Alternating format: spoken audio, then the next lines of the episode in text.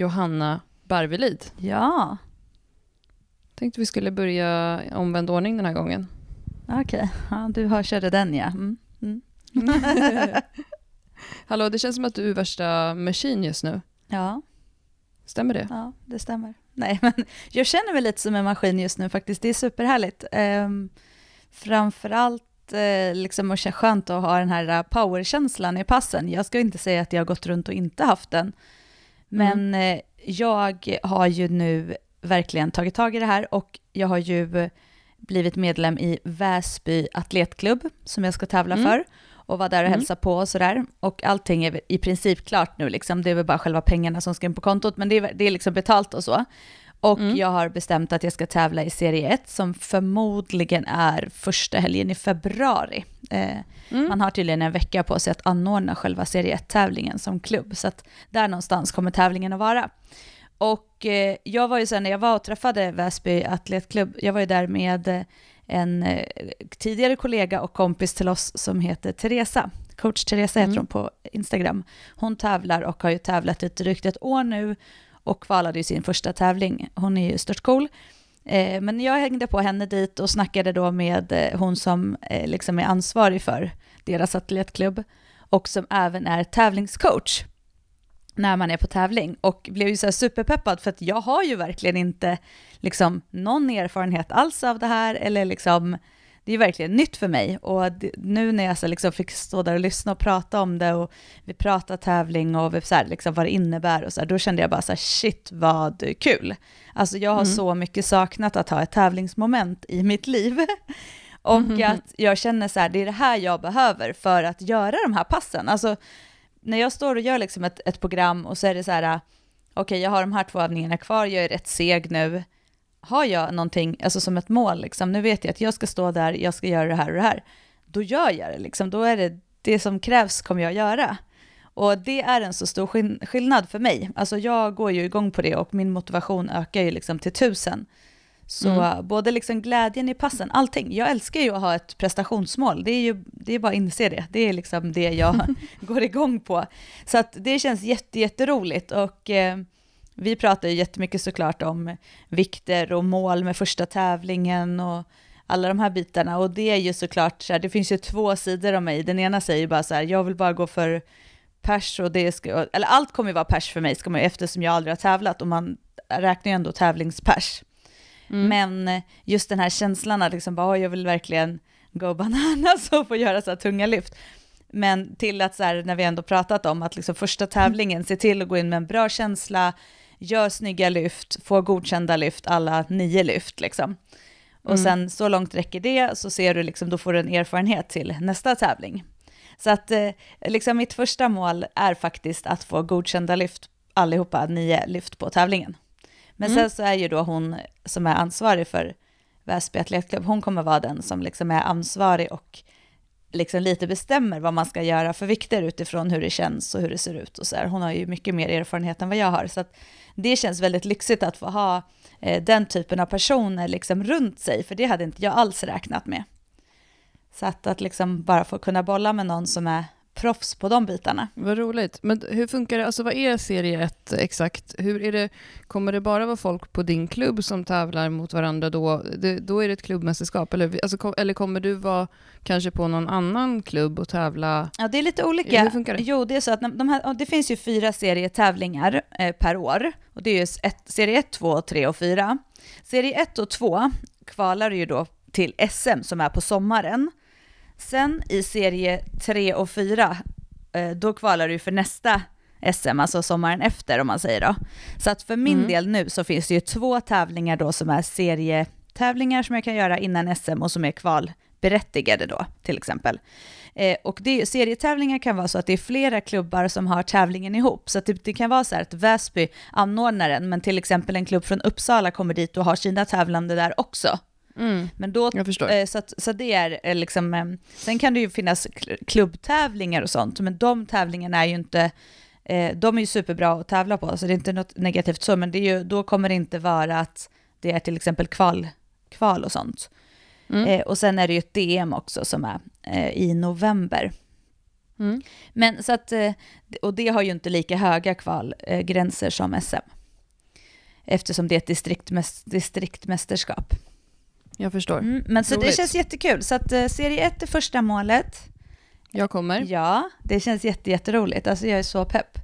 Och eh, jag fattar ju också att jag kommer ha pass som inte känns som att jag är så här oövervinnlig. Men jag har, det jag har bestämt nu i den här liksom, satsningen, eller vad man ska säga, det är att verkligen njuta av de bra passen. Att liksom var, ha, ta med sig det hela tiden. Att liksom ha den här Mm. positiva känslan, för det är så jäkla mycket enklare också att träna när man har en positiv känsla. Hur, alltså hur, har du något knep för att passen ska ha en positiv känsla? Ja, men, eh, alltså egentligen så är det nog inget knep, utan det det handlar om är att jag har ju fått en, eh, en liksom motivator i mitt prestationsmål som gör att jag älskar det här. Alltså jag vet ju att jag, eh, alltså det gör så stor skillnad att ha satt det där, för jag har ju sagt hela tiden här, jag ska tävla, jag ska tävla, men det har liksom inte funnits på papper, det har inte varit klart. Och liksom, Mm. då har det varit för långt borta, det har varit för liksom oklart. Men så fort att jag liksom bestämde och tog det där beslutet, att så här, nu är det klart, nu har vi gjort det här, jag ska tävla här, så blev Mm. ju det, det är ett tillräckligt starkt mål. Och för mig handlar det om att ha ett prestationsmål, och alla är ju olika. Men eh, jag får ju den känslan av att ha ett mål där jag vill prestera. Och inte för att jag måste, utan för att jag vill, för att det är min egna liksom, så här, fasen, jag, jag ska stå på det där jäkla SMet alltså. Det är liksom mitt mål. Jag vill stå på flaket på en SM-tävling. Det är liksom, det är mitt mål i styrkelyft. Så att liksom, Jag, tänk, jag tänkte att du kanske skulle säga så här, ja men mitt tips för att ha en positiv känsla i passen det är att aldrig eh, ta en vikt som man inte klarar av eller någonting. Jaha. Du bara, nej, positiv SM. Ja, men det är ju, för mig är det ju att ha ett, ett prestationsmål som ändå är utmanande. Alltså inte självklart, men utmanande. Och det som ska bli sjukt spännande är ju just att få göra en första tävling, för att det pratade vi också om när jag var på klubben, att liksom, det är allt, du kan stå och säga så här, jag tar det här, jag tar det här på träning, jag har gjort det här och så vidare. Men att göra Mm. på signal, att tävla, det är en helt annan sak. Mm. Och att ha ett adrenalinpåslag när du ska göra grejer. Så att liksom jag har sån, det har jag full respekt för. Och det är därför det ska bli så kul att få gå dit och liksom få en första utgångspunkt. Alltså någonting att relatera till. För nu har jag ju inget att relatera till. Och jag vet att se- ligga och bänka på eken liksom, när de spelar crossfit-musik och käka lite bulle är inte samma sak som att bänka på en tävling. Eh, Nej, för att inte. det är liksom signaler, det är domare som liksom kollar varenda liten detalj på rumpor och skulder och hur stilla du ligger och hur länge du håller. Alltså, det är så många andra Mm. saker som spelar in. Plus att du då har Ja. ett påslag, påslag liksom ett eh, adrenalinpåslag på det. Så att, eh, Mm. all respekt för det och det är det som ska bli så kul att få sätta den där liksom, alltså men sätta min utgångspunkt så att jag har något att utgå ifrån. Och det är det jag Ja. tänker att det får första tävlingen bli. Det är ändå stort av mig att säga så. Ja, jag är inte ett dugg orolig för det där, men jag tänker också, du är ju så van att tävla i andra sporter. Ja, det pratade vi också om, just det här att människor som tycker om att tävla, så att man vet att man gillar att tävla. Att det är ju Mm. också en jättestor skillnad i om man inte vet hur man reagerar av tävlingsmoment. Mm. Alltså, så det är ju, jag har ju liksom, även om jag inte har tävlat på ett flak i styrkelyft så har jag tävlat och liksom varit under den här liksom, där kroppen är i det här stadiet av något typ Mm. av. Så det, det ska bli alltså jätte, ja jag bara, jag, jag ser ju så här, jag har ju redan börjat bygga upp bilder när jag står så här och ska dra det sista marklyftet i ja, nästa sommar på SM liksom.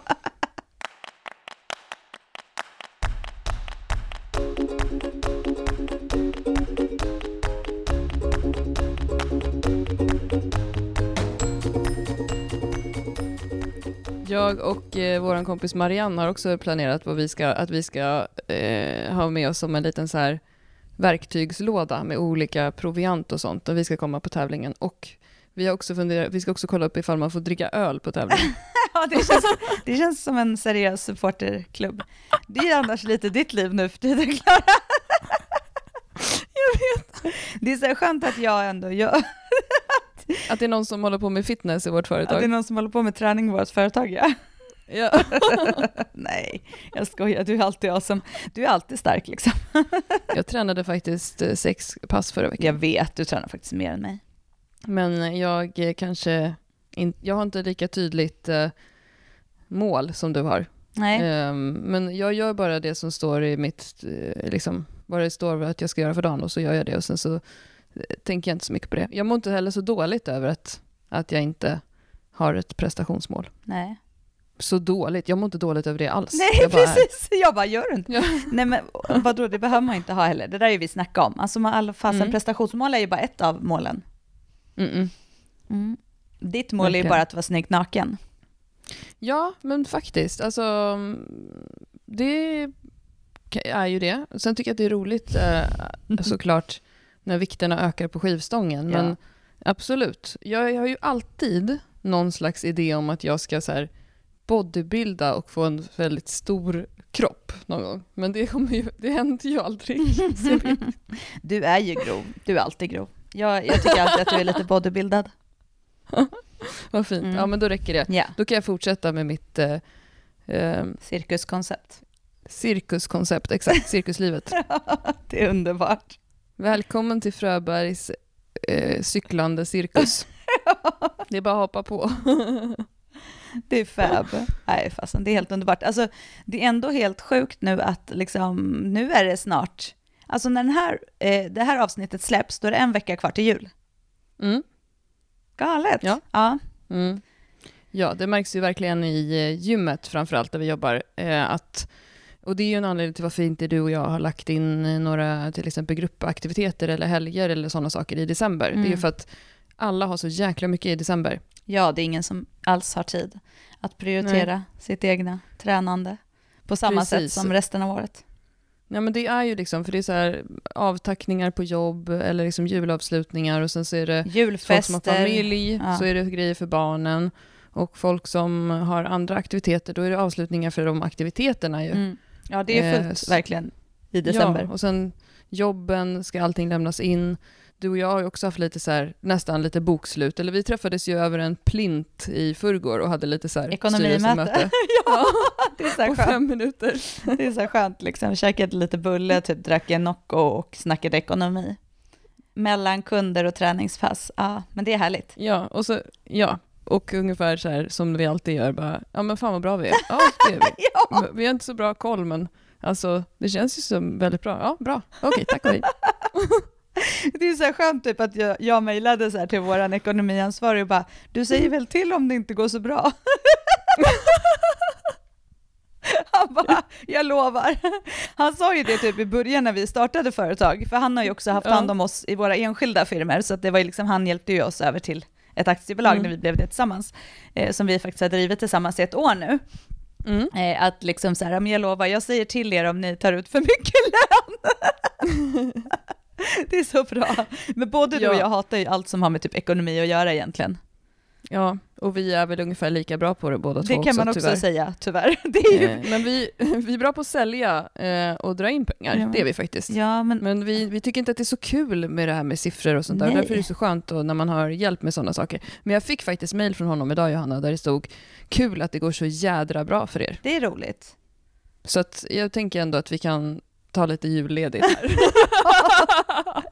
Det är bra. Ja, men det är härligt. Det är bara för att det är så jävla kul. Alltså, Mm. fortfarande efter ett år så tänker jag så här, alltså nu pratar, när jag pratar ett år, då är det för att vi har haft vårt liksom gemensamma företag, men det är så sjukt så här att man liksom får jobba med det som man tycker är så, jag har aldrig tänkt så här i, tidigare i livet att jag ska jobba liksom med mitt intresse och dessutom bara så här med sånt som man bara är så här, det här är så jävla roligt.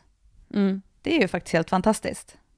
Ja, det är det. Med tanke på hur Det- du och jag satt så här när vi ändå sa upp oss och båda två var så här, "Eh, eh", typ. Och så bara, nu till det här. Nej, exakt. Ja, men det är verkligen så. Jag tänker också på det att jag har drivit eget nu i fyra år. Mm. Ehm, och när jag startade igång så hade jag massa extrajobb och sådär för att liksom få rull på verksamheten. Och sen så jobbade ju både du och jag ganska mycket med kommunikation de senaste åren. Men, och 2016 och 2017 så jobbade jag så jäkla mycket Johanna Mm. också. För att jag också separerade och sådana saker. Och, Gud, du jobbar som en galning. ja, det var helt sjukt. Jag tror att jag körde dubbla heltider. Och satt så här, när barnen sov typ, satt jag på nätterna Mm. och, med datorn och fixade och grejade och var så här superstressad. Och nu liksom skördar vi ju ändå frukten av att vi har jobbat. Som galningar. Väldigt mycket. Mm. Ja, men allting vi har gjort med det här företaget eller allting vi gör idag med företaget, gjorde ju vi, för två år sedan gjorde vi det på vår fritid. Och det tror inte Mm. jag att alla riktigt förstår som tänker att men jag, vet, jag tror inte att det är så många som förstår hur mycket slit det ligger bakom att bygga upp liksom, ett varumärke. Nu, jag, jag vill inte så skjuta mig själv när jag pratar så här också, för jag låter så töntig. Men, men allt det som vi idag gör som vårt dagjobb gjorde vi alltså på fritiden från början. Vi poddade på fritiden, vi drev alla kanal, sociala kanaler på fritiden. Vi jobbade fasiken med träningen på fritiden. Mm. Eh, vi hade kunder som vi satt med på kvällarna och gjorde träningsprogram åt och sådana saker. Mm. Och nu eh, behöver vi inte göra det, men jag tror att både du och jag är lite så här, är det, är det någonting som är fel nu? Ja. ja. ja, men det är ju lite så när man så här, gud jag sitter så här med webbshoppen mitt på dagen. Alltså det är ju så här lyxigt, Mm. för det var ju bara så här, för i början då var det så här packa på kvällen när barnen hade somnat. Alltså det är ju så liksom. Mm. Ja, Mm. så det är verkligen så lyxigt att få göra sånt på dagtid såklart. Verkligen. Ja, fasen vad vi är grymma. Vi ska ju eh, julfira företaget. eh, Vi ska ju ha jullunch nästa vecka Mm. med våra administratörer i Facebookgruppen också. Mm. Då får vi skåla för det här året. Ja. Fasen. Underbart. Och sen så, Ja. så kommer det såklart ett poddavsnitt där vi eh, snackar om det bästa och sämsta med året och sådana där saker. Och ringer Mm-mm. in det nya året såklart. Ja, verkligen. Nyårsdikten. Jag såg att det var Persbrandt som skulle läsa nyårsdikten i år, men jag tänkte att i våran podd så är det VD. Jag läser nyårsdikten, jag lovar. Det har varit väldigt, har det inte varit en hel del rabalber, rabalder om att han ska göra det? Jo, jag tror att det är för att är, han har ju massa sådana här metoo-anklagelser Ah. emot sig. Det, det kändes inte så fräscht på så att säga. Exakt, just Mm. lite så här, vi kanske ska tänka nytt, vi kanske inte alltid ska ha vita gubbar som gör allting i det här landet. Nej, jag fattar, men vi lämnar det bakom oss. Nu, eh, när, jag, när, när styrkebyrån ringer in det nya året så är det vd som gör det. Mm. iklädd underställ som jag sitter i just nu. VD som också är då snippbärare. Ja. Så Det tycker vi är viktigt. Mm. ja, men det är Ja. härligt. Det men ska bli grymt. nog om detta eller? Du känner att du Yes. har förtält allt som du vill säga här i inledningen eller? Har du något mer? Ja, idag har jag inga läskiga saker att komma Inga med. Men vi ska ju, vi, inga brandtal idag. Eh, fortfarande får jag sjukt mycket bra feedback om det här med bäckenbotten. Så att om man inte har lyssnat på det om mitt brandtal om onani så kan man eh, lyssna på vår podd för två avsnitt sen, nummer 153 tror jag att det är. Mm. Eller någonting. Eh, även bra om knipträning och det ska vi faktiskt följa upp nu Johanna. Ja. För att vi ska prata om skulderblad idag, men först ska vi bara ta upp det här med, som jag efterlyste i förra avsnittet, kring män och eh, bäckenbottenträning. Exakt. Eh, där jag sa att jag är lite osäker på hur män bäckenbotten tränar. Jag vet sedan tidigare hur att män rekommenderar samma typ av knipträning, till exempel vid akuta diskbrock brukar det vara det första stegen att män jobbar med knip och aktivering på samma sätt som en kvinna. Det som jag fortfarande är lite osäker på är just eh, hur man jobbar med urinläckageproblem som är kopplade till prostatan, för där känner jag så här, som, eh, som Daniel Richter sa Eh, i vårt poddavsnitt när vi pratade om träning och kvinnor så sa han bäckenbotten är en enhörning för mig. Prostatan är en enhörning för mig kan man säga. Ingen aning eh, hur man jobbar med den. Men däremot så eh, har ju du kollat upp lite Johanna hur män ska jobba med knipträning. Precis, vi fick ju faktiskt ett tips och eh, med liksom lite information om det här, så vi behöver egentligen inte, vi hade inte tänkt gå in jättemycket på det, men eh, det som jag tycker ändå är intressant, det som man kan se, är att en stark bäckenbotten hos män, att det precis som för kvinnor har koppling till bättre sexliv, för att Mm. ha bättre kontroll vid sex, till exempel vid utlösning och så vidare. Så att Mm. därför så kan man ju säga att så här, den kopplingen finns hos män också. Blir är du starkare så har du bättre kontroll på din bäckenbotten och ditt sexliv.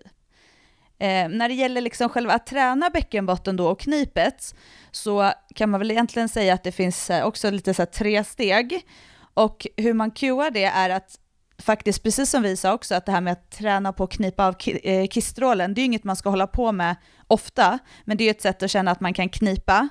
Att knipa Mm. kistrålen, är samma som för män då, att, att känna att man kan knipa av när man ska kissa. Eh, och sen nummer två är att knipa, att göra det knipet och sen att Mm. typ tänka att man ska dra in pungkulorna i kroppen. typ lyfta Mm. upp dem i kroppen kan man säga, inte dra in, lyfta upp kanske är ett bättre ord. Och Mm. sen att sista delen är att knipa, dra in eller lyfta upp pungkulorna och sen knipa runt analen. Och det Mm. är bäckenbottenträning för män också. Så att Mm. egentligen så skiljer det inte så mycket. Det är lite bara att vi har lite olika genitalier att jobba med så att säga. Precis. Så det, och den här rörelsen brukar man ju beskriva på samma sätt för kvinnor när man pratar om knipet, att tänka att det är som en dragkedja. Exakt. Där man liksom, analen, eh, suger in bäckenbotten, ser ut som att du suger in en tampong och sen framåt upp mot naveln. Mm. Att man liksom drar igen ett blixtlås. Men det som, som jag inte riktigt är säker på är just hur en man jobbar med eh, då rehabilitering vid till exempel urinläckage. Nej. Eh, Men jag antar att det är en urolog man får gå till då, Mm. som man som sysslar med sådana saker. Men ingen, som sagt, eh, eh, skadar ju, det skadar ingen att jobba med sitt knip helt enkelt. Nej. Speciellt inte då om man är en sexuellt aktiv person. Nej. Så vill, eh, både män och kvinnor i alla typer av eh, förhållanden eh, så, så tjänar man på att jobba med bäckenbottenträning. Det kan vi väl konstatera. Det finns liksom Mm. inget negativt för varken män eller kvinnor oavsett om man lever med samma kön eller inte. Bra, då checkar vi av den. Yes. Check på den, Ja. alla ska knipa. Alla ska knipa, alla ska ha sex. Mm. Det är bra. Vad ska du göra i helgen då, Johan? Vad ska jag i helgen? ja, du. Alla ska knipa, alla ska ha sex. Det är viktigt det.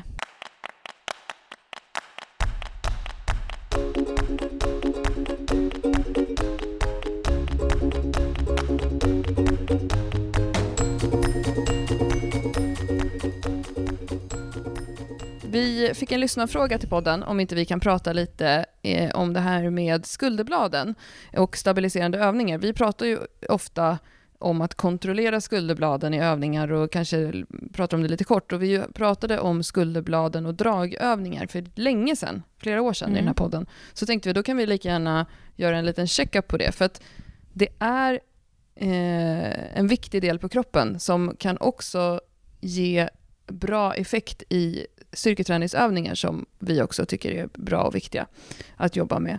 Och eh, lite kopplat också till det här med axlar. Jag vet att vi pratade om det i gymmet på Eken när vi stod och jobbade förra veckan, Johanna. Så sa jag till dig så här, axeln har blivit den nya ryggen. Mm. Alltså, det är nog den, av mina PT-kunder så är det ju den smärtan som de flesta har till och från är ju oftast axlar, som jag ser idag. Ja, för mig är det exakt samma sak. Eh, och eh, utan att ha någon som helst eh, eh, forskningsbaserat, utan det här är rent eh, utifrån den tid jag har jobbat med klienter och eh, Mm. med många klienter som jag har haft under en väldigt lång tid. Alltså flera av de kunder jag har har ju jag haft sedan jag började jobba. Mm. Så är det axel som är det vanligaste. Mm. Och att för, jag vet inte hur många procent, men för väldigt många har det hjälpt att bli starkare. ja, det, att bli stark är så jäkla Mm. bra recept på så mycket. Ja. Eh, och eh, skulderbladsstabilisering, skulderbladsstabiliserande övningar och uppstärkande övningar kring skulderbladen är eh, oftast det som brukar eh, utges på recept från en fysioterapeut vid, alltså till rehabprogram för folk som har ont i axeln. Eh, det finns ju den här luddiga diagnosen impingement som är så här, som också har blivit så här nästan som den nya ländryggen. Mm, eller man ska säga. Alla har, nu ska alla ha impingement, det är modernt. Men, och den är, det är en, det, jag tror kanske att man ska kalla det för axelsmärta bara. Eller så här. Det är lite svårt att veta om folk har det eller inte. Men det är samma typer av övningar där man jobbar med att stärka upp de små musklerna runt, alltså de som är rotatorkuffen. Och sen att man jobbar just då med eh, skulderbladskontroll och att stärka upp där. För att många idag är ju dels ganska stela i bröstryggen Mm. eh, och många idag har dålig kontakt med baksidan på ryggen. Och varför Och har man många- det då? Ja, men för att man sitter eh, vid en dator kanske. Man är, gör typ Men- allt framför kroppen liksom.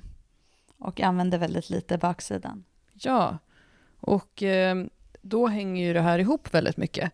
Ehm, och eh, vi tjatar ju hela tiden eh, till våra PT-klienter i gymmet, så här, skulderbladen, skulderbladen, skulderbladen, då är det nästan som man låter som en upphackad skiva. Liksom. Men det är faktiskt, eh, om man, om, man också, om man vill bli stark i bänkpress, så är det ju att kunna kontrollera och vara stark kring skuldergörden. Eh, då, det är ju väldigt mycket en stor nyckel i bänkpress. Verkligen. Så det är jätteviktigt. ja. Ehm, och, eh, ska vi prata lite så rent eh, tekniskt hur skulderbladen hänger ihop? Eller vad säger du? ja, det kan vi göra. Skulderbladens rörelse är inåtrotation och rör, att trycka ner och ihop dem eller utåt rotera dem och röra dem uppåt, alltså en elevationsrörelse. Man brukar prata om retraktion av skulderbladen, det är när man drar ihop dem, eller protraktion, det är när man trycker isär dem, alltså att nästan krumma ryggen. Det här kan man göra om man står till exempel i en plankposition på golvet. Så kan man testa att knipa ihop skulderbladen och att trycka bröstryggen uppåt. Där gör man liksom eh, inåt och utåt rotation av dem. Och det här är Och- ju jättemånga som inte ens klarar av. Så att det är liksom, Mm. Vissa har jättefint och då syns det så tydligt när man gör den övningen också. Alltså, Mm. Speciellt om man till exempel har ett linne eller faktiskt bara sporttops på sig så kan man verkligen se hur personen jobbar där. Eh, och för vissa Mm. så händer det knappt någonting när de gör det. Samma sak, samma sak när man hänger. Mm. Där jobbar man med det här med elevation och depression Exakt. av skulderbladen, alltså höjning och sänkning.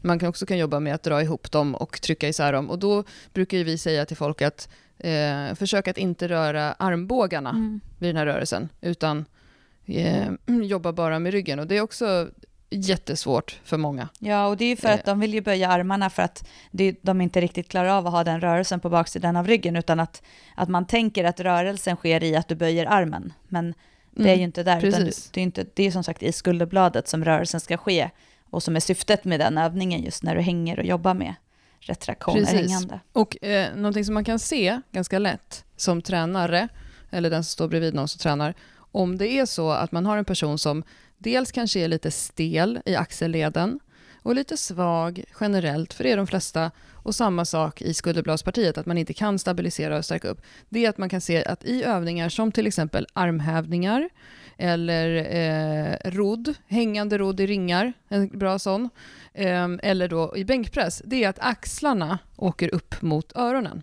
Just det. under övningen. Alltså att man kan inte kontrollera och hålla ner och tillbaka. Vi brukar ju så här lite skämtsamt kalla det för killarmhävningar, Mm. när man ser personer som liksom juckar upp och ner på golvet och har axlarna eh, under öronen i princip och armbågarna står rakt ut åt sidorna. När vi, om vi lyfter på våran arm ut från kroppen horisontellt så att armbågen är i höjd med axeln eh, utåt sidan. Där är ju armen i utåt rotation. Eh, eller axeln Mm. snarare. Mm. Där är axeln i utåt rotation. Där är vi ju sjukt svaga. Yes. Eh, och därför så vill vi gärna att man kan kontrollera axeln, stoppa ner skulderbladen i bakfickan och behålla den där under hela rörelsen som du gör. Så vet man med sig att man brukar bli lite trött så här i axlarna eller att man vet med sig att när man, eh, när man kör en rodd övning så åker axlarna upp mot öronen. Då kanske det är så att man behöver lägga lite fokus på att stärka upp kring skulderbladen. Ja, och det, det är också ett sånt att många brukar känna sig, jag, blir så, jag spänner mig så mycket i nacken. Just när det. de roddar. Eh, och, och det ser man ju, det kan man jättelätt se om man testar i till exempel att göra en hängande rodd, det är till exempel ringar eller T-rex. Att om man, eh, då kan man ju kontrollera den, hur tuff den blir genom att förflytta fötterna. Och om man Mm. då ställer sig ganska upprätt så att man liksom verkligen kan känna att man kan kontrollera den, och så går man Mm. bara fram och gör den lite tuffare, då märker man, där ser man oftast direkt, och då kan många känna skillnad i, vad hände nu? Eh, Mm. när du gör. Och det, vi tjatar ju väldigt mycket om det när vi har både grupper och, och på våra kunder och sånt också, att ehm, just det här att ta en vikt där du kan hellre låsa till och nästan knipa åt lite i toppläget om du till exempel gör en rodd, Mm. eh, eller om du gör hängande rodd, så att det inte blir så att du alltid tar lite för tungt, du, du hamnar i det här att du inte riktigt får den rörelsen i skulderbladen som du vill ha, utan du drar Mm. mer med armarna, hamnar lite framåt, roterar i axlarna och Mm. hamnar med eh, axlarna uppe vid Mm. öronen. Då Mm. tappar du ganska sto- stor del av syftet med just de övningarna. Så det är ju Mm. mycket det här att, det är väl lite så här äh, gammeldags med bara tänk muskelkontakt, men för många så är det väldigt nyttigt i sådana övningar att känna så här, vart är det jag jobbar? Och är det där jag känner mest? Eller är det så att jag känner bara uppe i nacken och att jag spänner och typ får ont i huvudet? Bra eh, beskrivet tycker jag, Johanna. Mm, tack. Ehm, ja, nej men eh, på riktigt. Det, eh, som, vet man med sig att man känner sig lite, som du säger, stel i nacken eller det här, och kanske också till och med kan se att man kanske inte har så mycket muskelvolym på ryggen, eller till exempel har svårt att knipa ihop skulderbladen, då kanske man ska ta, vi kommer gå igenom våra favoritövningar för att jobba med skulderbladen, Mm. då kan ju man kanske ta lite extra fokus. Om man kör ett träningsprogram idag, ehm, byt ut några övningar mot lite extra skulderbladsfokus en period och se om du kan både bli rörligare och stabilare och starkare samtidigt. För det, är, det kommer ge nytta till så mycket andra delar av din träning. Jag sa det senast idag till en kund, att nu ska vi lägga lite fokus på din rygg här ett tag. Ja, men du kommer alltid Eh. känna på det. Och som sagt, Mm. blir du starkare så kommer du också känna att du använder ryggen på ett helt annat sätt för att det är också lättare att känna att du har med dig det här när du har mer muskler. Så det, som du säger, det hänger ihop.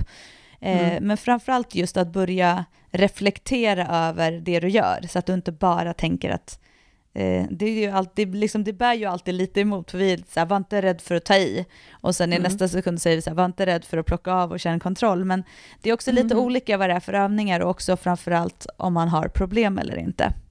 Mm, precis. Eh, och sen är det också så att ett svagt skulderblad kan också påverka faktiskt armbågarna och eh, handlederna. Eh, har man en smärta någonstans i kroppen så är det ofta en terapeut kan säga att titta på närmsta led. Alltså får du ont i armbågen så är det inte alltid, alltså ditt symptom sitter i armbågen men det betyder inte att orsaken handlar om armbågen. Och tittar man på närmsta led så är det axeln då. Eh, och när man, alltså inom anatomin så kallar man ju armarna och händerna för de lösa extremiteterna. Yes. Alltså, de är lösa kroppsdelar som fäster i skulderbladen. Därför är det också en sån grej, du och jag tjatar ju ofta om att så här, ta i ordentligt med händerna. Alltså när du greppar tag i någonting hårt, till exempel att du tar i ordentligt i ett marklyft, även om det inte är ett, det tyngsta marklyftet, så kommer du också få en bättre skulderbladsaktivering eftersom allt det här eh, faktiskt hänger ihop. Många idag får ju problem också med armbågarna i övningar, till exempel som chins. Eh, man kan känna av handlederna i bänkpress. Även det här kan vara tecken då på att du har svaga axlar eller dålig eh, skulderbladskontroll. Ja, och det behöver inte vara det, men det kan vara det. Och hela skulderpartiet består av 17 muskler. Jag ska inte läsa upp alla Jag dem, tänkte för då blir här, den kan här inte läsa podden- upp dem? Vill att jag ska göra det? Säg dem i en rad bara, för de har så fantastiska Okej. namn. Jättesnabbt då. Eh, serratus anterior har vi ett helt avsnitt om. Supraspinatus, subscapularis, trapezius, teres major, teres minor, triceps brachii, det långa huvudet, alltså från triceps fäster ju uppe på. Eh, biceps brachii, romboid major, romboid minor, coracobrachialis, jag vet inte hur man uttalar den exakt, omohyoid inferior, latissimus dorsi, deltoid, eh, deltoideus, eh, levator scapula, infraspinatus och pectoralis minor. Ja, det är så underbart. Alltså de där namnen, jag hade fortfarande inte kommit igenom dem. Alltså jag kommer ihåg så mycket när vi höll på med det där på utbildningen. Med anatomin. ja, alltså att, att lära mig om och vart de sitter och fästa ursprung, så här, det har jag inte så svårt för. Men namnen, du vet, så Mm. man skapade ju precis som jag gör med allting annat, så här, sina egna påhittade namn. Du vet, så här. Och jag vet dina egna påhittade namn, ja. Vi har ju bland annat en kompis som heter Jenny Strandljung som du kallade för Jenny Strandhugg. Jag, vet, jag läste ju så första gången jag läste hennes namn. ja, det är faktiskt roligt. Och också och Sara, ja, Sara Viss läste jag också, Ja. Sara Swish. Och, och Daniel Richer. ja. Ja, men jag gör alltid så. Och det är här sätt för mig för att så här, alltså jag vet inte, lägga det på minne typ. Eller så här, jag vet inte. Det, är så här, det blir Ja. ju lite fel om man inte heter Swish eller Strandhugg. Förlåt, Precis, Sara och vad kallar du mig för egentligen? Idioten bara. Clownen. ja, exakt. Nej, Dåren. styrelseordförande. A.k.a. Precis. Biffen. Ja. Biffen som eh, också är lite bananig. Men eh, i alla fall, skulder gör den. Alltså de här 17 musklerna. Det här är ju hela då, alltså vad ska man säga, övre torson Ja, ja. eh, som är involverade. Vi har ju också pratat nu nyligen om trapezius och hur man kan jobba eh, med eh, övningar för den muskeln. Det här handlar, ju- den är ju också jätteviktig i det här med att kontrollera skulderbladen och deras elevation och depression. Men eh, man kan väl se de stora delarna, de, stora, de musklerna som är mest involverade i skulderbladskontrollen med det här med att knipa ihop till exempel baksidan skulle jag säga är serratus anterior där, som sitter under eh, armhålan och latsen. Mhm. Latsen är ju en jättestor muskel som en rullgardin på hela baksidan av ryggen. Och sen rom, romberna, alltså romboideus och även då trapezius. Mm. Här har vi liksom de stora delarna i att dra ihop och sänka och knipa eh, skulderbladen. Och det finns ju jättemycket då bra övningar. Egentligen skulle vi kunna bara sammanfatta Johanna och bara säga så här, men bygg mer volym på ryggen. Alltså googla lite volymträning. Bodybuilda Eh. ryggen, det har ju vi sagt i alla år tänkte jag säga. Det är liksom ett Ja. av våra mantra så här, bli lite biffigare. Du har nytta av det i allt, du har nytta av det för det, i det här syftet, att ha mindre problem med eh, axlar till exempel. Eh, du Mm. har nytta av att ha lite mer muskler på ryggen när du ska böja, för att inte, Mm. det blir skönare att ha stången på ryggen. Alltså, det är snyggt. Eh, det finns massor med bra saker att ha lite, vara lite bitig på ryggen. Mm, verkligen. Eh, och sen, och där, sen så har ju vi faktiskt då ett gäng övningar som är våra favoriter för just att jobba med skulderbladen. Och jag fick faktiskt en fråga av en kund, tror jag det är. Nu är det så många som kör våra beefcake-program och sådär. Ehm, och jag tror att det var en kund i gymmet, men jag kan ha fel nu, som sa så här, varför har ni med eh, armhävningar på handtag? Varför ska man just ha, jobba med armhävningar på handtag? Och då sa jag till henne så här, jo men det tycker vi är en så bra övning för att du jobbar så himla mycket med skulderbladen. Och du får oftast en finare rörelse i dina armhävningar när du håller i handtagen. Dels, och sen så jobbar du med en rak handled. Många känner sig starkare. Ja, du involverar ju en led händerna. till. Alltså, Ja, exakt. Eh, många känner sig starkare i den rörelsen, men också för att du kan kontrollera bredden på armhävningarna och verkligen jobba aktivt då med att trycka ner skulderbladen. Och sen att du blir också en större rörelseomfång eh, när du jobbar ner, om du, är, om du klarar det rent styrkemässigt, att gå ner under handtagens höjd, så går du ju ner djupare än om du har händerna på golvet, alltså med bröstkorgen. Då får du också den här bra eh, knipet av skulderbladen i bottenläget. Så den använder ju du och jag både som uppvärmning för våra kunder som kanske kan göra det på knä till exempel. Man behöver inte göra den tung, utan man kan ju jobba med den, precis som du sa innan, med fokus på kontakten. mm. Eh, eller så jobbar vi med den med, eh, som en assisterande övning eller en styrkeövning. Då kan man ju till exempel även lägga på vikt i den. Nu hoppade jag ju in på vår lista Johanna. Ja, det är väl härligt. Du är liksom taggad. Men och att jobba med den övningen också eh, excentriskt gör jag jättemycket. Och det handlar ju också om den excentriska träningen. Syftet där är ju också just det här kontroll, gör rörelsen under längre tid. Så även om du Mm. inte klarar att göra lika mycket rep- många repetitioner så kommer du få ut väldigt mycket av att lära dig kontrollera rörelsen ner. Och Mm. eh, vi har ju jättemånga kunder som bara har jobbat excentriskt och sen helt plötsligt så kan de eh, göra eh, armhävningar eh, hela armhävningar, fast de aldrig egentligen Mm. har testat det ordentligt. Och Mm. också då att det blir en skillnad när de gör på golvet för att de har lärt sig att hantera just skulderbladen. Så att Mm. jag gillar den övningen jättemycket och framförallt också lite det här att när du håller i handtaget, du har ju också roterat, eh, ska man tänka på, händerna. När du gör en Mm. armhävning på ett golv, på en golv, på, på en golv, på en golv, eh, på ett Mhm. golv så har du ju eh, handen, handflatan, liksom fingrarna pekandes framåt. Men om du Mm. tänker dig ett handtag så kommer de ju vara runt handtaget, men skulle du sträcka ut dem så skulle du ha dem utåt. Och det gör ju också att du gör en rotation i eh, liksom Mm. axelparti. Och eh, jag upplever också att många har lättare då för att hitta just skulderbladet, för att det blir lite som en förändring i baksidan. Så det finns ju många bra syften med handtag. Ja, jag håller med. Och det är som sagt, vi har gjort en lista på våra favoritövningar och då är ju, hade vi ju nu med armhävningar på handtag som, eh, som en av dem. Så nu har vi redan gått igenom dem. En övning som vi inte har med på listan som jag kommer att tänka på nu när du pratar om det här med att rotera Johanna, det är ju en övning i eh, gymnastiska ringar som, som är ringplanka. Ja, som faktiskt också är en jättebra övning för att stabilisera skulderbladen och eh, axlarna, där man eh, höjer upp ringarna så att de är, ja, det kan ju vara så, så tungt som man orkar, men kanske en decimeter från golvet eller så, eller två. Och sen så eh, ställer man sig så att man har armarna i en armhävningsposition, men i ringarna. eller att man står som i en armhävningsposition. Och så gör man det som kallas för protraktion egentligen av skulderbladen, det vill säga man trycker upp ryggen eh, så att man får nästan en båge i kroppen.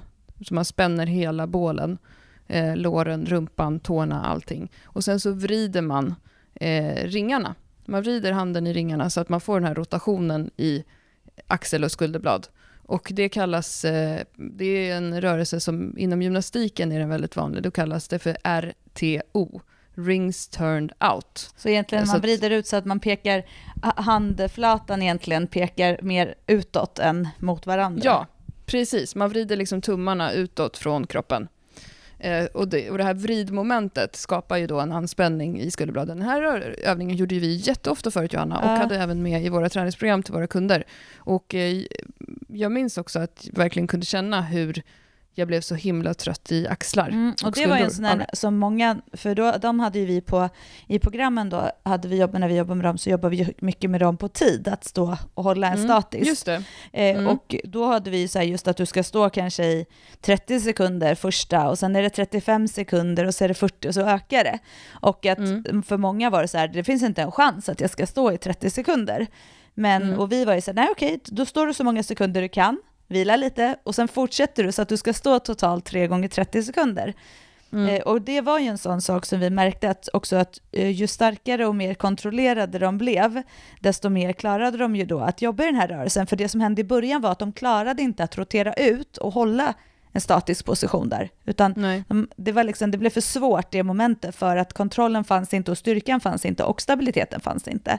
Så mm. att, eh, det är en superbra övning att jobba med, men man kan behöva börja ganska lite, i liten skala för att hitta den. Men eh, ja. det som framförallt är just viktigt som du sa, det är just att man trycker upp sig. Vi ska ju såklart filma den övningen också. Ja, vad kul. Eh, att man liksom inte bara står och hänger som en, vilket gäller alla plankövningar, man ska inte stå och hänga som en jäkla hängmatta, utan du ska, du ska äga positionen. Mm, verkligen. Alltså ringövningar, gymnastiska ringar generellt, är ju oftast otroligt bra åt alla håll och kanter ja. för just skulderbladsstabilisering. Eh, ringarmhävningar är också superbra, för där måste du ju verkligen också jobba med stabiliteten samtidigt. Ja. Och även ringrod. Ringrod eh, gör ju jag med någon kund varje dag. Ja, ringrod gör jag också Grym jättemycket övning. och jag älskar arm... Eller den är en favoritövning för mig just nu själv. Vi gjorde mm. den jättemycket du och jag Klara förut, men mm. ringarmhävningar där, vi är, där man gör egentligen själva armhävningen nedsänkt, så att man har alltså fötterna högre mm. än händerna. Det är ju, en mm. jätte, det är en, ett sätt att göra den ännu tuffare. Men det är mm. en otroligt eh, bra övning just för att få jobba med alla de här momenten. Mm. Eh, och kontroll framför allt men på ja. ett tufft sätt. Ja. Verkligen. Eh, en annan övning, eh, om vi nu har tittat på ringplanka, vi har pratat lite om rodd, vi har pratat om ringarmhävningar, vi har pratat om armhävningar på handtag. En, en till övning är ju det som kallas för skap, scapula push-ups eller skulderbladsarmhävningar. Och det är egentligen bara att man står i plankposition och jobbar, som vi beskrev tidigare, med att dra ihop skulderbladen, och sen åt andra hållet trycka ut och isär skulderbladen. Ja. Och just att den här rörelsen inte ska ske i armarna utan i just skulderbladen. Det är också en jättebra bara uh, uppvärmning inför att till exempel köra ett bänkpass eller så. Mm. Det, den är grym. Eh, sen också det som vi nämnde innan, hängande retraktioner i räcke. Eh, att jobba med skulderbladen upp och ner, kontrollera och äga den rörelsen. Får man också in greppträning som också då ger positiv feedback till skulderbladen. Det är alltid bra med lite häng. Ja, häng är bra för axelhälsa också. Av mm -hmm. just bland annat sådana här anledningar, att du jobbar med skulderbladen. Eh, Exakt. Eh, bänkpress är ju såklart en superbra övning. Eh, Din favorit just nu ja, kanske? Eller? Ja, typ. Alltså just nu så känns faktiskt, jag ska vara ärlig och säga att alla tre baslyften känns väldigt roliga och det känns som att jag går framåt i dem. Eh, mm. så det känns eh, bra, men bänken är ändå det som jag känner jag fick liksom lite så här aha-upplevelse häromdagen när det gällde min setup. Alltså, jag ska inte säga att jag har hållit på och ändrat massor, men jag har liksom testat lite, men sen har jag inte heller tränat på en bänkpressbänk, alltså en riktig så här, typ tävlingsbänk. Mm. Eh, men nu har ju vi en sån på Eken, mm. eftersom vi fick eh, det av gymkompaniet. Så Mm. nu har jag ju verkligen, så alla mina bänkpass nu är ju på den bänken. Och det gör ju Mm. att man kan jobba med detaljer. Och därför så har jag liksom, så att, ja bänken är nog min favorit just nu, just av den anledningen att jag har, jag upplever att jag har hittat liksom några steg till i själva setupen och stabiliteten. Mm. Och det känns ju såklart skitkul. Och det är ju det som är just en av de grejerna som jag känner. Det är ju, förutom att jag har hittat ett eh, grymt driv i liksom benen och i det trycket, så känner jag Mm. att jag har eh, otroligt bra anspänning och eh, just i skulderbladen och i latsen, alltså att baksidan är verkligen kompakt. Mm. Eh, och det är ju just i bänkpress när vi pratar om det som en skulderblads stabiliserande och stärkande övning så handlar det ju just om att känna att du kniper åt skulderbladen, att du Mm. liksom jobbar med anspänning i hela baksidan. Verkligen. Jag kan känna när jag verkligen har fått till det där, jag har också jobbat jättemycket på det och har tyckt att det, alltså det har varit knepigt i bänken att hitta, men när jag verkligen hittar den och känner att jag kan köra tunga, bra eh, bänkpressar, då kan jag ha sånt liksom knip mellan skulderbladen så att det surrar i dem. Mm. Ja, det blir liksom, ja jag fattar känslan eller tanken, ja absolut. Den är skön. Mm, det är härligt. Fan, surr är bra liksom, surr är bra. ja, eh, en annan övning som är bra är att jobba med en horisontell rodd.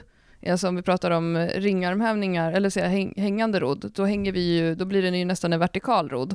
Men en horisontell rodd i form av att man till exempel står upp kanske och jobbar med gummiband Mm. med en rodd emot sig, eller eh, till exempel sitter i en kabelmaskin. Det gör ju inte vi så ofta, för vi tränar inte så ofta med på gym som har den typen av utrustning. Men det är också en bra övning i just det här med att knipa i, i toppläget, där man drar, när man liksom är i med händerna vid axlarna och kniper ihop Mm. där bak för att kontrollera skulderbladen. Det gör jag, om jag är på ett gym som har sån, då gör jag alltid en av mina roddövningar, om jag har rodd i programmet, i den, i sittande rodd. Mm. För att jag, just det här att kunna knipa och känna att man har kontroll i den övningen, eh, tycker jag också just ger jättemycket. Mm. Så det håller jag med om. En annan övning som är, jag skulle säga att det är nog också en övning eh, som du och jag gör eh, minst en gång per dag med våra kunder, om Mm. inte mer, förmodligen mer, är Mm. ju facepuls. Två gånger idag Mm, har jag gjort ja, det. exakt. Facepuls med eh, Mm. gummiband. Alltså där man Ja. jobbar genom att dra händerna mot ansiktet och att armbågarna är över axlarna. Eh, Mm. Det är en jättebra övning och den kan man oftast jobba mer repetitioner med. Alltså att lite tänka Mm. som en brännande träning. Men också Mm. just det här att hela tiden jobba med att tryck ner skulderbladen, hamna inte med skuld, äh, skulderbladen, hamna inte med, ja tryck ner skulderbladen, men hamna inte med axlarna uppe vid öronen, utan verkligen Mm. eh, kontrollera rörelsen. Men det är också en sån övning som jag upplever att många verkligen känner sin baksida när de gör, att det är så här, ah, gud Mm. vad skönt att det är att jobba med övre delen av ryggen. Mm. så Ja, den, eh, ja, verkligen. det är en favorit. Den gör jag också jättemycket själv, det gör du också, vi gör den mycket i uppvärmning och sånt. Mm, den har jag kämpat jättemycket med. Jag hade så otroligt svårt att känna kontakt i den förr. Mm. Ehm, en annan övning som vi har på vår YouTube-kanal och som också är med i uh, vårt Guns och Gains-program är det här med IYT-lyft. Ehm, där man jobbar med eh, lätta, lätta hantlar. Jag har typ ett kilo eller två kilo till den.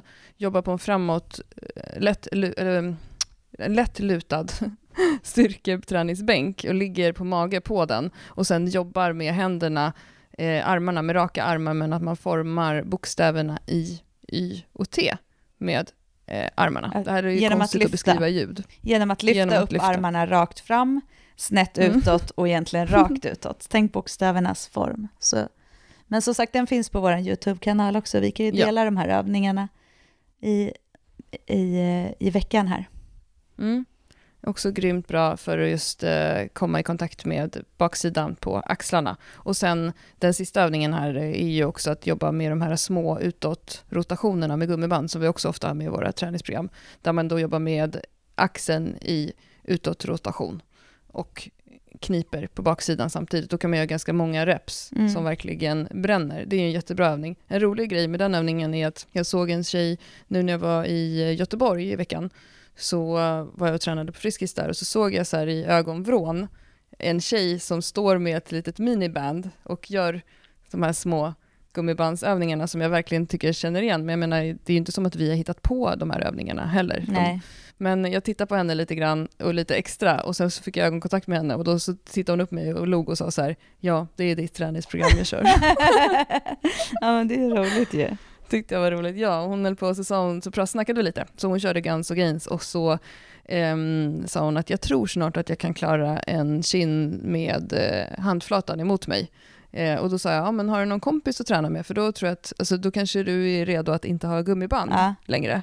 Utan att man just får, när, om man har en kompis som hjälper till att puffa en, då kan man ju också se till att man puffar på det stället där det behövs, men kanske låta personen få jobba lite extra där den ändå är stark. Mm. För ett gummiband hjälper ju ändå hela tiden. Eh, så då hjälpte jag henne och så höll jag bara så två fingrar under hennes skulderblad, lätt, lätt, lätt. Och så klarade hon att göra en. Grymt. Vad roligt. Ja, kul. Apropå rygg och kin så kan jag säga att min, jag har redan brutal träningsverk i min rygg efter sex set höga skivstångsrodd, breda med Mm. brett grepp och 45 chins med handryggen mot mig. Fy fasen. Alltså Sex set också. sex set rodd, ja exakt. Ja, Kul. så du vet, jag, alltså du vet, nu när man så sitter så känner jag liksom så att du vet, man börjar bli så, det börjar bli så obekvämt, man vill typ så här bara trycka ihop, alltså det är så jäkla, Det brinner. det brinner typ i min övre del av rygg kan man säga. Och liksom du vet, chinsen, jag bara ja men 45 stycken, hur svårt ska det vara? Inte utan, Mm. absolut inte. Jag är inte så stark i chins. Eh, Jag, eller så här, jag, kan, jag är ganska så stark att dra Du upp. gjorde 45 stycken i ett set. Ja, jag gjorde 45 set utan eh, gummiband. Nej då. Du, jag delade upp dem. Jag bestämde mig för så här, det är skitsamma hur många jag gör, jag ska göra 45 stycken. Mm. Och så var jag lite så här kaxig i början och tänkte så här, men jag gör väl ett gäng set utan. Mm. Fy fan! Då hade jag ju gjort alltså hela programmet. Det här var ju den sista övningen i passet. Ja. Så jag hade, Ja. då hade jag ju gjort typ Ja, ungefär Du har tränat i två 60, timmar. 60 rodd också innan. Ja. Skönt. skönt. Grattis. Men eh, jag kommer känna min rygg imorgon, men det är vilodag imorgon så det är bra. Det var du är härligt. Det som du gjorde nu är faktiskt ett bra tips tycker jag. Jag gjorde det häromdagen när jag upptäckte att eh, bänkpressen visst var lite tyngre för mig än vad jag trodde, så att jag fastnade under den och ingen hörde mig när jag ropade. det var faktiskt, Hallå! det för sig, det har vi fan glömt att prata om, det var ju skitroligt. Jag hade, Hallå! jag hade ju kund i gymmet och det var så här crossfit-pass, så det var ju så här, eh, crossfit är ju tydligen så, okej det här vet jag inte om det är för alla, men lite så här, jag frågade ju varför, varför sjunger man inte när man lyssnar på crossfit? Alltså varför sjunger inte... När man lyssnar på Nej, crossfit. nu sa jag fel. Varför är det, alltså musiken, varför sjunger de inte på musiken när man kör crossfit? Alltså det är alltid bara sån här som låter, som man blir väldigt stressad av musik. Ja. Eh, och då så var det jag som svarade så här, men man vill, vi vill inte blanda in några känslor i den här. Och jag var okej, men skitsamma. Det är ju när de drar på sin den där Ja, men det är sin så du, ja, Metcon-lista ja. liksom, när det bara är såhär... Ja, exakt, de sjunger inte. För mig är musik sång, alltså typ han tog av sig, ja men sånt liksom. Ja, men, i, ja, men i alla fall, så, och så ligger du och bänkar där i din lugna Mm. ro så här. Och, eh, och sen så bara rätt som det är när jag står så här så ser jag i ögonvrån hur det så här kommer lite någon så här löpande mot dig i, i bänkpressen och så bara frågar jag min kund så här, Linnea, som, hon har ju kört med mig ett tag, hon känner ju dig också så här, så att jag bara, Ja. gud, vad händer här borta? Hon bara, jag vet inte. Och då såg vi hur du så här låg fast under bänkpressen och så hörde man bara, hallå! Jag ropade på Mattias, ja, som höll Mattias passet. eh, som höll i passet. Eh, för att, eftersom att han gick runt och hjälpte folk. Men grej, ja, grejen var, jag hade inte satt upp säkerhetsarmarna för att det var ju en vikt som jag skulle göra treor på. Jo, det det var hade inte du så gjort. att jag skulle maxa. Jo, du hade satt upp dem, men de satt för lågt. Det var det som ja, var de satt grejen. lite för lågt. Ja men de var där de var liksom. Mm. Och då tänkte, men jag hade inte tänkt att jag skulle bomma Nej, på den vikten. nej. Men där blir det ju så tydligt just den här grejen att tappar jag aktiveringen, jag skulle göra treor på 65 tror jag. Mm. Tappar jag aktiveringen i skulderbladen, eller någonting hände ju i alla fall så att jag kom under den, eh, då var det ju liksom kört. Ja. Och grejen var att jag kunde inte skälpa av vikterna åt sidan heller för att den tryckte ner så djupt i min kropp. ja. Eh, att jag liksom, då hade jag blivit tvungen också att först trycka upp den lite för att kunna stjälpa av vikterna om du förstår vad jag menar. ja. Så jag låg där, alltså det var inte så, jag garvade ju, Ja. det var inte så att jag låg där och dog. Men jag, det var ju roligt eftersom att det inte var någon som hörde För mig. det var så jäkla hög eh, technomusik. Typ. tuku, tuku, tuku. Jag bara Mattias! Och sen så nu har jag blivit jättemobbad för det här då. Ja. Det, ja, det bjuder jag på, men det var inte det jag skulle säga. Det jag skulle säga var att samma som du gjorde med chinsen gjorde jag sen också med bänken då, för då var ju då tanken att jag skulle göra treor, ett antal, Mm. på, på den här vikten. Då gjorde jag precis som du gjorde. Jag tänkte så här, jag gör ju kvar, klart mina repetitioner, men jag var ju ganska, när man gör en sån där typ av bom som jag gjorde och ligger och spänner emot så blir det ju som en liksom, statisk anspänning under en ganska lång tid. Så jag var ju ganska, då blir man ju ganska trött. Så då kunde jag inte göra klart treorna, men då gjorde jag istället eh, tvåor och ettor tills jag hade gjort alla de repetitionerna som det stod i mitt program att jag skulle göra. Och det kan ju vara ett sätt att skala ibland när man känner att eh, ja, men, eh, en dag att passet kanske känns lite för tungt. Att man gör som du gjorde med kinsen också då. Mm. Står ett visst antal repetitioner men idag kändes lite tungt. Vila lite oftare Ja, och gör klart absolut. repetitionerna. Det är superbra.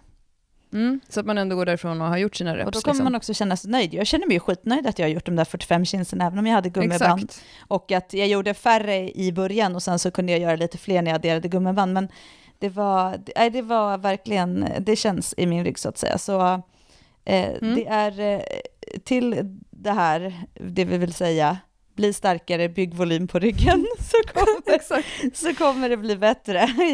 Ja, och eh, de här avsnitten, eh, när vi släpper våra avsnitt så skriver vi ju alltid en eh, avsnittstext med hålltider så att man ska kunna hoppa i avsnittet till det som man vill höra. Men där listar ju vi alltid också, om till exempel nu gick vi igenom alla de här övningarna, där står ju alla de här övningarna. Avsnitten läggs också upp på vår webb, styrkebyrån.se under nyheter, så där kan man hitta alla övningarna i text. Eh, om man känner att man vill spara det här som, eh, som vi just har pratat om. Vår kompis Tove gillar inte att lyssna på poddar, men hon skrev till mig ett meddelande om veckan och skrev så här, jag älskar era avsnittsbeskrivningar, det är ju som att läsa ett helt poddavsnitt. Och det, det är korrekt, det är så det ska vara. Ehm, så att man kan gå tillbaka och hitta det som man tyckte var bra. För det är lite knepigt att beskriva träningsövningar i ljud. Eh, vi försöker ju filma så mycket som vi hinner, men eh, vi listar ju dem i alla fall också med bokstäver. Det blir skitbra. Mm. Men då du, alltså nästa då avsnitt som släpps, Mm. släpps det då alltså på nyårsafton? Eller kommer det på julafton? Jag vet inte, vi måste eh, bestämma det här tror jag. Ja, det måste vi göra. Ja, vi får se. Men det blir någon slags eh, årskrönika i alla fall, tycker jag snart. Ja, Det är innan 2018 är slut så blir det något sånt. det blir skitbra. Grymt. Men du, eh, ha det så bra då. Käka en bulle och ta en kopp kaffe så hörs vi. Det tycker jag eh, låter väldigt rimligt. bra. Det ska jag göra. Ha det. Puss puss. Puss. Hej då.